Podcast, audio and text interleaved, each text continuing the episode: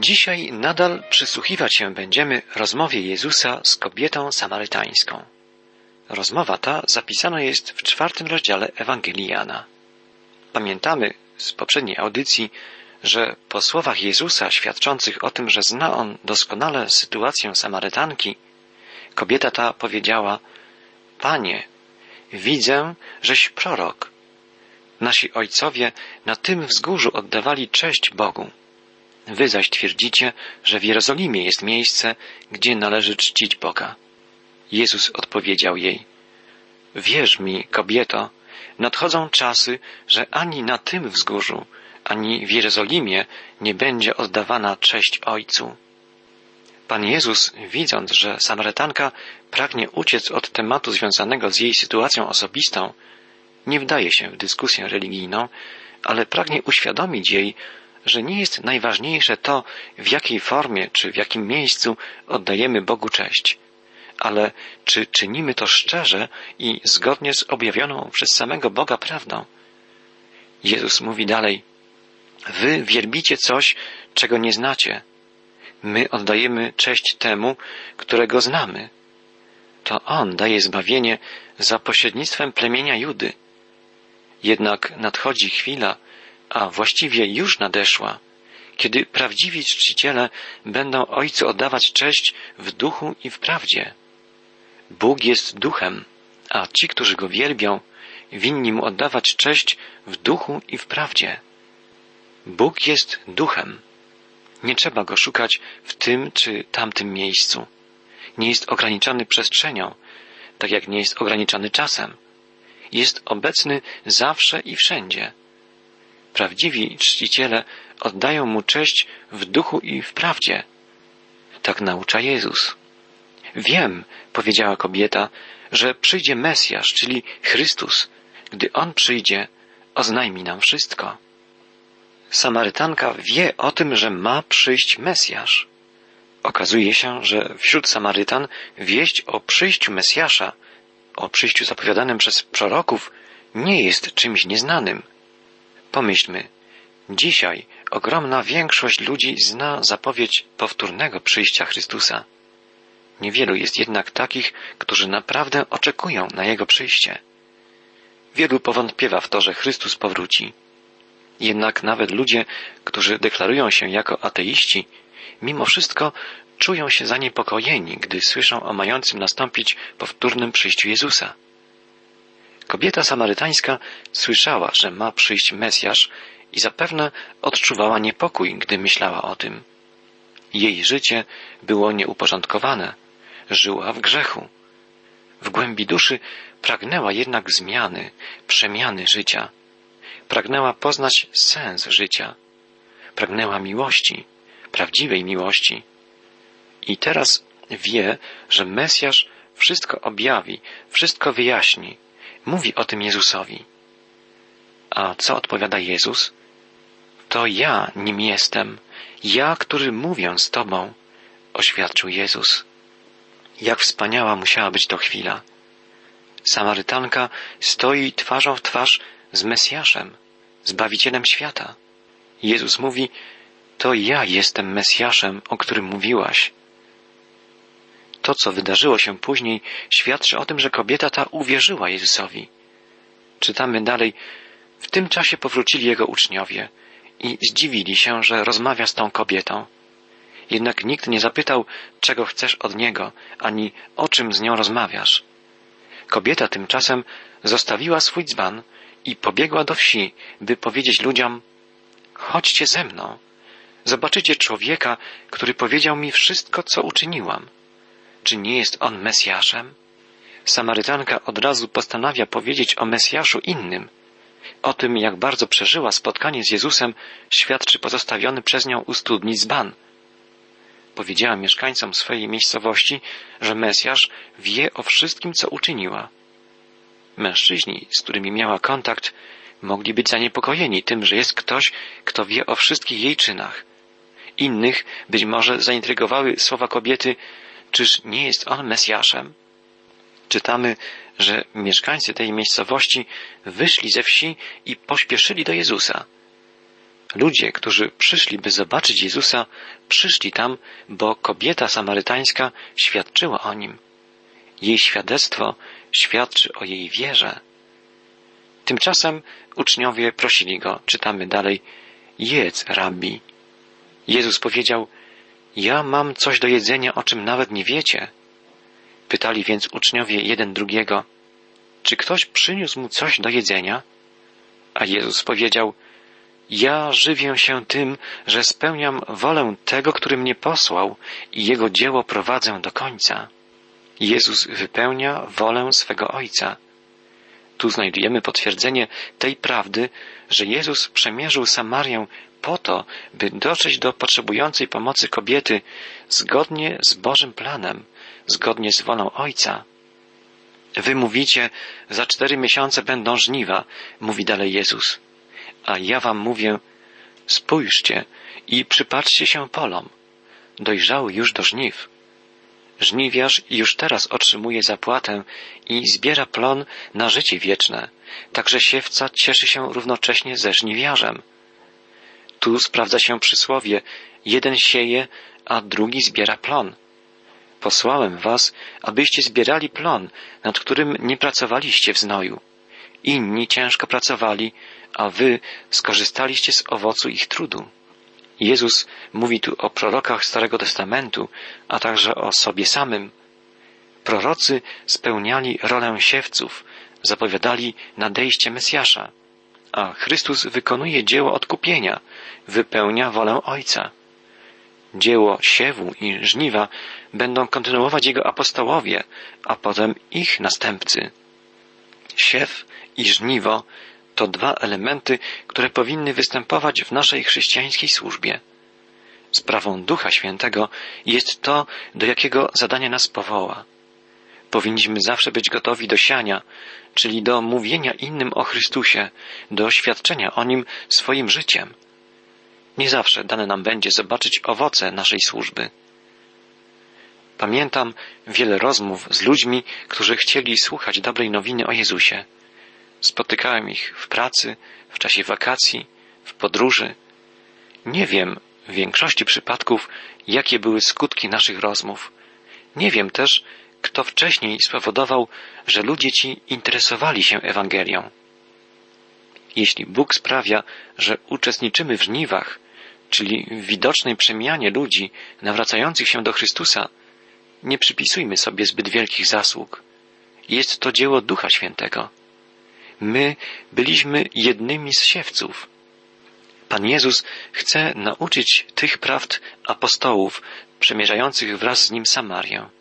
Zobaczą oni, jakie skutki wywoła opowieść kobiety samarytańskiej o Chrystusie wśród mieszkańców jej miejscowości. Czytamy dalej. Wielu Samarytan w tej wsi uwierzyło w Niego dzięki słowom kobiety. Powiedział mi wszystko, co uczyniłam. Wielu ludzi uwierzyło w Chrystusa dzięki słowom kobiety, która miała za sobą złą przeszłość. Któż by pomyślał, że zostanie ona siewcą Bożego Słowa? Gdy więc przyszli do niego Samarytanie, zaprosili go, by zatrzymał się u nich. Został tam przez dwa dni. Wtedy jeszcze więcej ludzi uwierzyło jego słowom. Do tamtej kobiety powiedzieli, uwierzyliśmy, ale nie z powodu Twego opowiadania. Sami słyszeliśmy i wiemy już, że On naprawdę jest Zbawicielem świata. Jakie wspaniałe i zdumiewające to wyznanie. Samarytanie uwierzyli, że Jezus jest Zbawicielem świata. Przychodzą do źródła żywej wody, by ugasić pragnienie. Właśnie w ich sercach musiało być pragnienie poznania prawdy o Bogu, pragnienie uzyskania zbawienia. Prosili Jezusa, by zatrzymał się u nich na dłużej. Pomyślmy, Samarytanie zapraszają Mesjasza żydowskiego, by pozostał wśród nich, mimo że między nimi a Żydami panuje nienawiść. Pan Jezus pozostał tam dwa dni. Wielu Samarytan uwierzyło w Niego i mówiło, na własne uszy usłyszeliśmy i jesteśmy przekonani, że On jest Zbawicielem świata. Uczniowie Jezusa zapewne byli zdumieni zarówno skutkami świadectwa o Chrystusie złożonego przez Samarytankę swoim rodakom, jak i ich otwartością na słowa samego Jezusa. Dla apostołów był to pierwszy sygnał, że pragnienie poznania Boga i oczekiwanie na przyjście Mesjasza nie jest tylko sprawą Izraelitów. Dzisiaj też ludzkimi miarami próbujemy dzielić świat na te regiony, gdzie ludzie są otwarci na Ewangelię i te, gdzie nie warto, według nas, lub nie ma szans dobrej nowiny zwiastować. Jednak Bóg wie, że pragnienie poznania Go i pojednania się z Nim jest udziałem serc narodów na całym świecie. Jezus przyszedł jako Zbawiciel świata. Kto może przyjść do Jezusa, do źródła żywej wody? Ten, kto pragnie. Każdy, kto pragnie, może zaspokoić swoje najgłębsze duchowe potrzeby. Kto jest człowiekiem pragnącym? Ten, kto zdaje sobie sprawę ze swojej grzeszności. Prorok Izajasz wołał, nurze, wszyscy, którzy macie pragnienie, pójdźcie do wód. A Pan Jezus, Zbawiciel świata, woła, jeśli ktoś jest spragniony, a wierzy we mnie, niech przyjdzie do mnie i pije. Tak, woda życia jest dostępna dla każdego. Potrzebne jest jedynie pragnienie, aby móc się jej napić. Każdy, kto uznaje, że jest grzesznikiem, kto pragnie przyjąć dar zbawienia od Jezusa, może przyjść do Niego jako do źródła wody życia i ugasić swe pragnienie. Tego pragnienia naszej duszy nie ugasi nikt inny. Uczynić to może tylko Jezus. Często wracam pamięcią do rozmowy z pewnym człowiekiem, którego spotkałem w podróży. Było to kilka lat temu. Jechałem nocnym pociągiem do Warszawy. Do przedziału wsiadł mężczyzna w wieku trzydziestu kilku lat. Z peronu dochodziły jeszcze śpiewy żegnających go przyjaciół. Rozglądał się dookoła i powiedział Widzę, że jest to przedział dla niepalących, ale nie ma nigdzie znaku, że jest to przedział dla niepijących. I wyciągnął z kieszeni płaszcza butelkę i kieliszek. Przepił do żołnierza wracającego z przepustki, z którym przedtem zamieniłem kilka słów. Siedział on obok mnie. Wiedziałem, że zgodnie z polskim obyczajem, gdy on wypije z kieliszka, przepije do mnie. I tak się rzeczywiście stało. Wtedy powiedziałem ku zaskoczeniu ich obu, że nie pije. Mężczyzna, który wydawał się być w bardzo dobrym nastroju, był trochę podchmielony, powiedział mi, o, jaka szkoda, tyle pan traci. Ja mam tylu kumpli, właśnie wracam ze świetnej imprezy. Odpowiedziałem mu, że jakoś nie odczuwam braku z tego powodu, że nie piję wódki i że mam wielu oddanych przyjaciół, z którymi bardzo dobrze się rozumiemy, pomagamy sobie i wiemy, że możemy na sobie nawzajem polegać i że nieraz świetnie się bawimy. Wtedy mężczyzna ten zamyślił się na chwilę i powiedział Wiesz, właściwie to nie mam przyjaciół. Miałem trochę forsy, więc kilku kumpli zabawiło się ze mną na mój koszt. Ale nie wiem, czy na którymkolwiek z nich mógłbym polegać. Nie, w ogóle nie ma takich ludzi, na których można by polegać całkowicie, którym można by zaufać. Jest taki człowiek, odpowiedziałem. Kto? Zapytał ze szczerym zdziwieniem ów mężczyzna, z którym przeszliśmy już na ty. Jezus, odpowiedziałem. A, Jezus, słyszałem. Nie wiadomo, czy on naprawdę żył. A jeśli żył, to kim był? Zresztą było to tak dawno. Był na ziemi na pewno, odpowiedziałem. Żył trzydzieści kilka lat. Potem go zabito. To wszystko są fakty historyczne. Wydarzyło się jeszcze coś, coś bardzo niezwykłego. Jezus wstał po swojej śmierci z grobu. Wstał z martwych, tak jak zapowiadał to w czasie rozmów ze swoimi przyjaciółmi. I nie ma w żadnych źródłach historycznych wzmianki o tym, że miałby on umrzeć powtórnie. To znaczy, że żyje. Stało się to wszystko dlatego, że był równocześnie człowiekiem i Bogiem. O, właśnie w to, to ja nie wierzę, odpowiedział mój rozmówca. Może był on niezwykłym człowiekiem, szlachetnym i dobrym, ale równocześnie Bogiem? Nie. Bogiem na pewno nie był. Widzisz, on sam mówił o sobie, że jest Bogiem, odpowiedziałem. Mówił o sobie, ja jestem, tak samo jak Bóg Ojciec. Powiedział na przykład, ja jestem początkiem i końcem, tak samo jak Bóg Ojciec w Starym Testamencie. Czytałeś kiedyś Biblię? Zapytałem. Kiedyś, jak chodziłem na religię. Widzisz, w Nowym Testamencie zapisane są słowa Jezusa. Mówił on wyraźnie o tym, że jest synem Boga i potwierdził to zmartwychwstaniem. Jego grób jest pusty. Tylko on wstał z martwych. On jest synem jedynego żywego Boga. Tylko dzięki niemu możemy nawiązać łączność z Bogiem. On mówił o sobie, że jest drogą do Ojca. Mówił, że jest prawdą. Jeśli nie wierzysz, że jest Bożym Synem, odrzucasz Jego własne słowa i w takim razie uważasz, że jest kłamcą. Nie możesz więc uznawać go za szlachetnego, dobrego człowieka i wspaniałego nauczyciela, tylko konsekwentnie musisz mówić o nim, że był kłamcą, oszustem.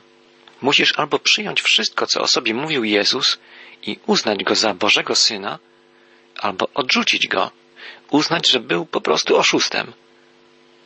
Powiem Ci jednak, że ja wierzę we wszystko, co Jezus mówił, bo potwierdził to swoim życiem, a potem męczeńską śmiercią i zmartwychwstaniem.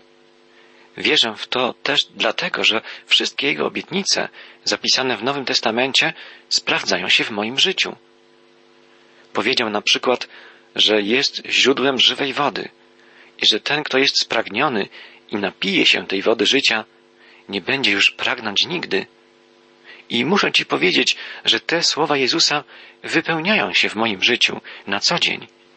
Zauważyłem wtedy, że mój rozmówca ma na twarzy krople potu i że zupełnie wytrzeźwiał.